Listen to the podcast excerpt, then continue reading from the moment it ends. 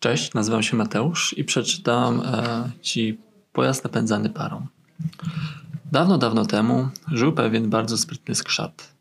Aby zarabiać na życie, skupował różne stare graty, które ludzie gromadzili na strychach i w piwnicach, a potem trochę je odnawiał i odsprzedawał z, z zyskiem.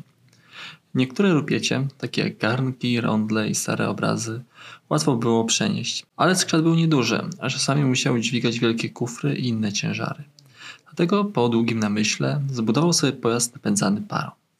Ku jego zdumieniu mechanizm działał bez zarzutu. Wydał więc ogromne przyjęcie, aby to uczcić. Na drugi dzień po przyjęciu wjechał w interesach do miasta, w którym nigdy przedtem nie był. Podróż okazała się wielkim sukcesem.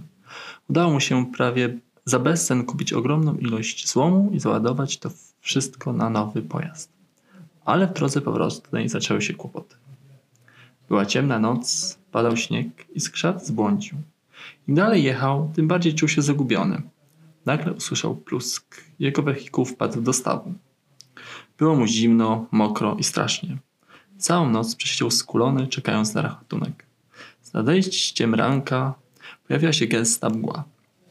Skrzat nasłuchiwał, czy nie przechodzi ktoś, kogo można by wezwać na pomoc. Nagle usłyszał głośne rechotanie. Mgła rozwiała się i zobaczył, że jest otoczony przez żaby. Wtem pojawił się ich król. Co robisz w moim królestwie? spytał król żab. Wpadłem po ciemku do, do stawu, powiedział bardzo przestraszony skrzat. To widzę, rzekł król. Ale nikomu nie wolno wkraczać do mojego królestwa bez pozwolenia. A ty o nie nie prosiłeś. Ależ wasza wysokość, ja nie wiedziałem, gdzie jestem. Wykrztusił. To nie jest żadne wytłumaczenie, powiedział król żab. Co tam masz w wozie? Och, masę różnych staroci. Nic cennego, powiedział skrzat i otworzył drzwi pojazdu. Gdy król żab zobaczył, co jest w środku, wpadł na pewien pomysł. Mogę ci wyciągnąć pojazd ze stawu, powiedział, ale za to musisz mi dać wszystko, co tu masz. Król żab wczoraj skoń skończył budować sobie nowy dom z trzciny. Pomyślał, że mógłby go umeblować tymi rupieciami niczym pałac. Skrzat był bliski łez, gdy pomyślał o stracie, ale on wpadł na pewien pomysł. Dobrze, wasza wysokość, dam ci wszystko, powiedział. Ale proszę, bądź tak łaskawy i pozwól mi zatrzymać choć kilka rzeczy, tych, które będę mógł owinąć moim czerwonym szalikiem. To rozsądna propozycja, zgadzam się, po namyśle rzekł król.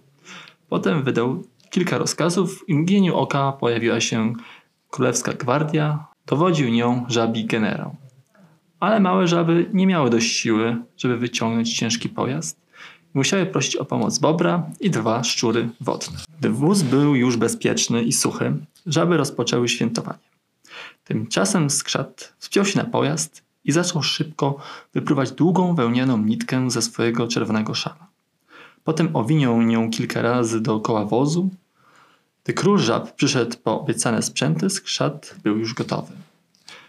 Powiedziałeś, że mogę zatrzymać wszystko, co będzie owinięte moim czerwonym szalem, przypomniał królowi skrzat. Niestety dla ciebie nic nie zostało. Król żab zrozumiał, że został oszukany, ale nic nie mógł na to poradzić. Słowo królewskie to święta rzecz, powiedział tylko.